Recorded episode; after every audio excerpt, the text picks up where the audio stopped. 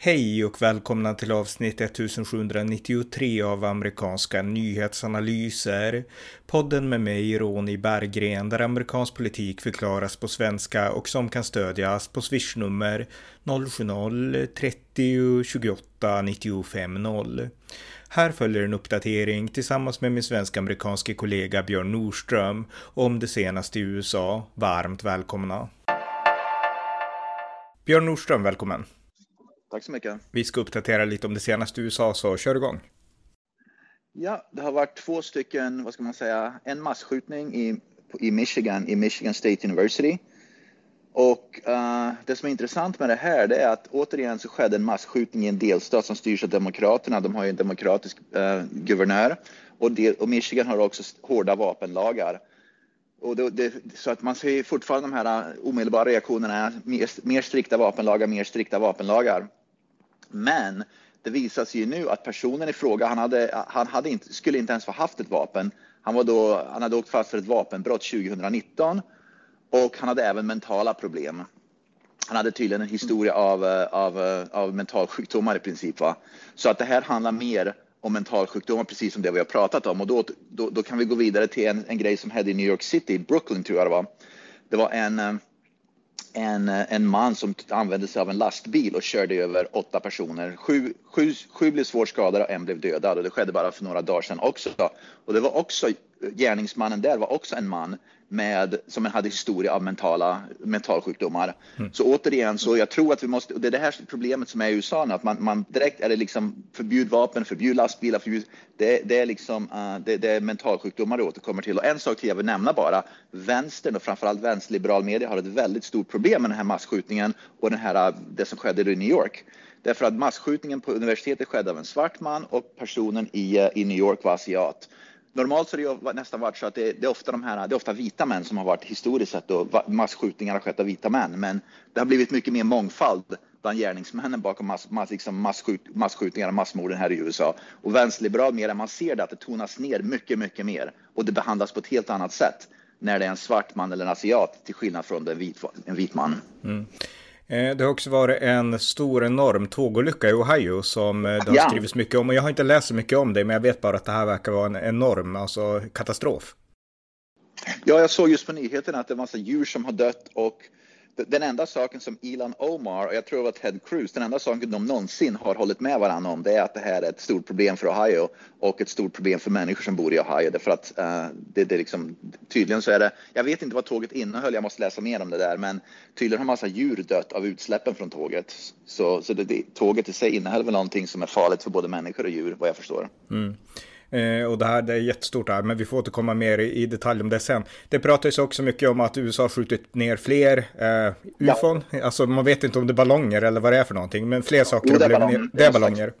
Det är en slags metallballonger, det är liksom inte vanliga gummiballonger utan det är en slags metallballonger. Just det. Och, och vet man, har, har myndigheterna gått ut om det är Kina eller vem det är som ligger bakom? Tydlig. Jag läste något i morse, att, eh, alldeles nu på nyheterna i morse, att uh, tydligen så är det spioneri mot amerikanska. Och det här är någonting, jag, det är väl inte 100% bekräftat, men i alla fall det verkar som att Pentagon i alla fall är på det här spåret, att Kina håller på att eventuellt, och det vet jag inte mycket vad som är sanning bakom det här och man vet ju egentligen inte vad, vad som pågår, vi vet ju aldrig det egentligen. Men de påstår att Kina har, det de hittade är att det börjar finnas bevis att Kina har planer på att eventuellt attackera kärnvapenanläggningar i USA, inom USA, att det fanns bevis för det i, i ballongerna. Hmm. Just det. Så att de, de, det, liksom, det, det ses som ett, ett, vad ska man säga, ett krigshot mot USA. Sen vet vi inte om det är sant eller inte och var informationen kommer ifrån och så vidare, utan det är bara någonting som jag läste i morse att Pentagon tog upp som det här är någonting som vi, ett spår som vi har börjat hitta nu på, i de här ballongerna. Just det. Eh, jag tänkte också tipsa om en sak, jag vet inte om du har sett det, men jag gjorde en podd häromdagen om en jätteintressant artikel i Columbia Journalism Review. Och det är en journalist som heter Jeff Gert som har granskat allt det här med Russiagate, alltså där man anklagade mm. Trump för att vara en spion för Ryssland. Och han förklarar grundligt och genomgående steg för steg hur det här var liksom, det var en media setup från första början, just Russiagate. Ja, det, det, det är det precis du och jag pratar om mm. hela tiden nästan. Eh, så att det, det, är absolut ingenting nytt, men det är bra att det börjar komma ut nu. Men det är absolut ingenting nytt. Och man, jag menar media det i USA, den är ju som i Sverige, va? det är ju så otroligt. Hade det, hade det här varit precis samma sak som hade hänt med till exempel Joe Biden, och vi har ju sett saker med Joe Biden med, med Hunter Biden, då tonas det ju ner och det blir liksom ingenting av det hela. Att allt handlar i media nu om vilket parti och vem som det är som de kan gå efter. Och då gör man precis vad som helst. Hur oetiskt och omoraliskt det än är så gör man det. Bara för att man vill liksom påverka den politiska, det politiska liksom fältet i USA. Mm. Ja, något annat?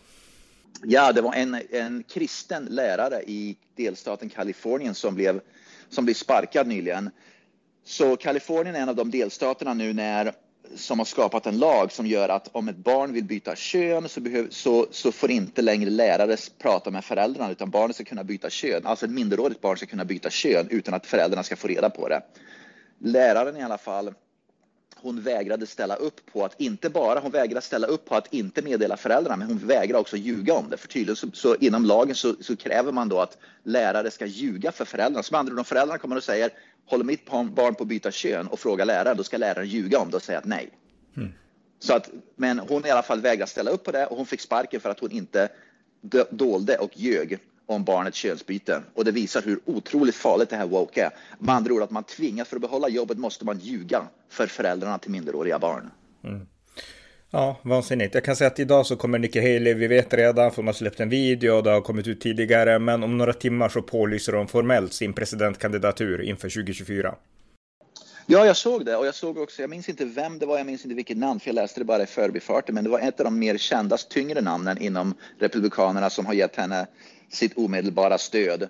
Så att eh, hon kommer att bli en hyfsad politisk kraft. Jag har sagt det här hela tiden. Ron DeSantis som presidentkandidat och Nikki Haley som vicepresidentkandidat. Det vore en oslagbar kombination tror jag. Den skulle vinna enkelt 2024. Ja. Något annat? Ja, en undersökning har kommit ut nyligen som visar att judar, det är alltså en undersökning som har frågat judar, liksom en survey som har ställt frågor till judar. Judar känner sig allt mer osäkra här i USA på grund av att antisemitismen och judehatet har ökat från år till år. Så under Biden så har judehatet gått upp. Nu, nu pratar de om det att, att uh, judehatet ökade då redan 2014-15 har det ökat då. Men de senaste två åren, ett till två åren, har judehatet ökat ganska kraftigt tydligen. Jag såg siffror, jag minns inte exakt, men det har gått från det var, en, det var en kraftig ökning av judar som känner sig mer osäkra eller os, helt enkelt osäkra att vistas på gator och torg på grund av antisemitismen. Mm. Och jag tror att det har att göra med att vänsterns retorik, att Biden helt enkelt, den, han nedprioriterar judehatet. Man lyfter ju upp då istället, allt ska handla om, om, om svarta och liksom om, om, Black Lives Matter och svarta och så vidare och, och transgender och woke och allt det där. Judarna och gruppen judar tillhör inte den här woke-rörelsen. De liksom blir åsido, bortkastade från den rörelsen. Va? Så att judar eh, helt enkelt får får klara sig själva bäst de vill därför att vänstern och Joe Biden styrs till mångt och mycket av vänstern så att, så att liksom judars situation nedprioriteras fullständigt här i USA. Den ignoreras totalt och då så ser vi att judehatet går upp. Ja, och jag läste också på Fox News att New York Times, de har skrivit under en ganska lång tid ett antal, ganska många kritiska artiklar mot judiska skolor och liknande. Och jag menar, man ska absolut kunna kritisera sånt, men rabbiner är ute och säger att det här är överdrifter, det är felaktiga saker. Och det här leder till liksom att antisemitismen ges liksom våldslegitimitet. För det finns ju en sån, den här svarta yeah. antisemitismen också. Så att eh, vänsterliberal media verkar liksom på något sätt elda på det här lite grann. Ja, visst, vi ser absolut inte samma form av vänsterliberal media som går efter till exempel muslimska skolor eller muslimer eller islam på samma sätt. Utan det, det kristna har de gått efter. Det har liksom varit upp, liksom open season mot kristna hur länge som helst och nu är det open season mot judar med. Men muslimer och islam, de, det är precis som i Sverige. De kan göra precis vad som helst. De kan aldrig göra fel. De, islam har ett fripass från allting. För det vågar man inte ge sig på. Det är så otroligt hyckleri och, och, och fegt av vänsterliberaler och demokraterna att det är så där. Mm. Ja, eh, något annat? Ja, vi pratar ju ofta om Bill Maher. Han är ju då en han är komiker som har en talkshow. Han är väldigt populär här i USA och han skjuter från höften. Han kritiserar både höger och vänster och demokrater och republikaner liksom på sakfrågor. Va? Han är en klassisk liberal som liksom han, han, han har ordning liksom i han har ordning i sitt hus ungefär. Han har liksom, han är, det är ordning och reda på honom. Jag gillar honom väldigt mycket faktiskt. Men han i alla fall, han hade på sin senaste show så sa han rakt ut att vissa människor hör hemma i fängelser. När man begår vissa brott, då ska man sitta i fängelse, punkt slut. Tydligen så ogillade publiken, det var bara en person, när, normalt när de här talkshow hosts, när de säger någonting så applåderar ju människor. Tydligen så var det bara en enda person som applåderade och gav sitt stöd till till hans uttalande att vissa människor faktiskt behöver sitta i fängelse på grund av brotten de har begått. Va? En mm. enda person. Han kommenterade just på det och sa att oj då, det är visst bara en person som anser att, att, att liksom fängelse behövs här. Och det visar hur, hur liksom vänstern som, som går på hans shower, med vänstern som liksom tror att, för det är ofta då framförallt vänsterliberal som går på hans shower, eh, konservativa gör faktiskt inte det. Mm.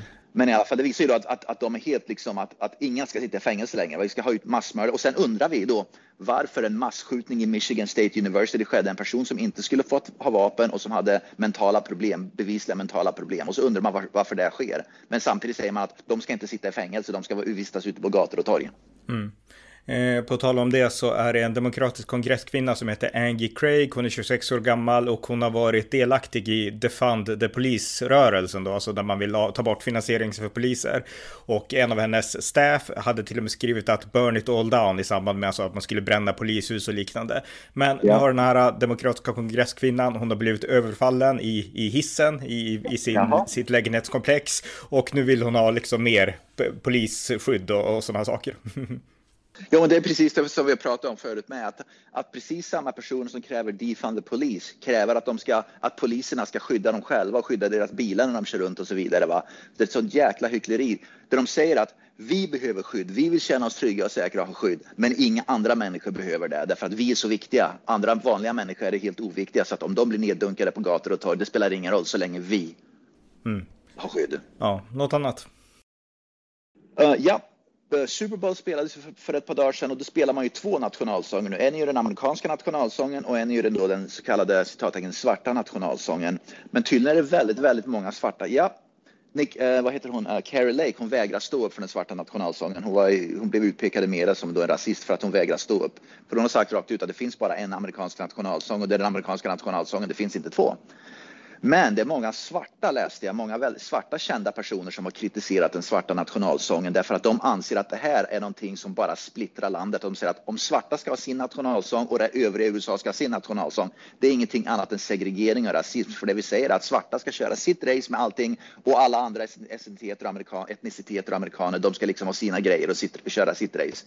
Så det är många svarta som har reagerat väldigt kritiskt till att det ska spelas en svart nationalsång just för att det segregerar svarta från övriga USA och det splittrar landet och det egentligen i grunden handlar om nazismen. Men alltså nu tror jag att jag har missat något helt. Alltså jag kände inte ens till att det fanns en nationalsång för svarta. Så det här är någonting, ja, du bor i USA så för det är ju så självklart. Men alltså berätta, alltså, liksom när uppkom det? Berätta. alltså. Den har funnits ganska länge. Jag, jag, kan faktiskt inte historien så speciellt länge, bra för det där ärligt talat, men den har funnits hyfsat länge. Men vi får kolla upp mer på det där. Men det är någonting som har börjat spela de två, tre senaste åren i samband med de här knäböjningarna och efter det skedde och sen då den här woke-rörelsen har liksom påtvingat NFL och påtvingat olika ställen nu att man ska spela en, en separat nationalsång som bara gäller för svarta. Du kan faktiskt gå in på Youtube, det var en svart mm. kvinna som sjöng den under, under Super Bowl. Du kan gå in på Youtube och kolla på det där för att de visar den också med va. Ja. Men det är någonting som har fått, det är den här woke-rörelsen som ligger bakom naturligtvis. Den woke-rörelsen påstår sig stå för, för att de vill förena landet och att de vill liksom vara toleranta och allting. Allt de gör är att bara splittra mer och mer och mer och mer. Och det allt de gör är att, liksom att svarta måste ha sin egen nationalsång. Svarta, liksom att det, det är en otroligt rasism. Det är liksom, och det var precis som jag då nämnde då, att, att många svarta har framförallt reagerat negativt på det där som säger att men herregud, vi bara segregerar ju svarta allt mer från den övriga amerikanska befolkningen när vi håller på med sånt här. Mm. Ja, jag ska lyssna på den. Vi ska avsluta snart för att du ska på jobbet. Men en sista grej, alltså du, eh, du arbetade väl på Super Bowl, visst gjorde du det? Alltså som volontär eller någonting? Ja, jag var volontärarbetare på Super Bowl under två dagar, på lördagen och söndagen, ja. Var, var det spännande? Kunde du se matcherna så eller? Nej, det får man inte vara med om. Utan jag, jag, var på ett, uh, jag var på ett uh, vad heter det, uh, en, en, park. Den här, de har två, ett är ju Super Bowl-området, själva matchen och så vidare. Sen har de en park på ett annat ställe där de visar matchen på storbilds-tv och eh, det, är liksom, det är bara fest, liksom en stor, en enda stor fest. Så jag var på det, i den parken. Ja, just det, just det. Ja, men vad bra. Men då har vi fått en uppdatering så att eh, tack så mycket. Tack för att ni har lyssnat på amerikanska nyhetsanalyser. Podden som vill ge det konservativa perspektiv på USA som saknas här i Sverige. Stöd gärna med en gåva på swishnummer 070-30 28 95 0 eller via hemsidan usapool.blogspot.com på Paypal, Patreon eller bankkonto. Skänk också gärna en donation till valfri Ukraina-insamling. Allt gott tills nästa gång.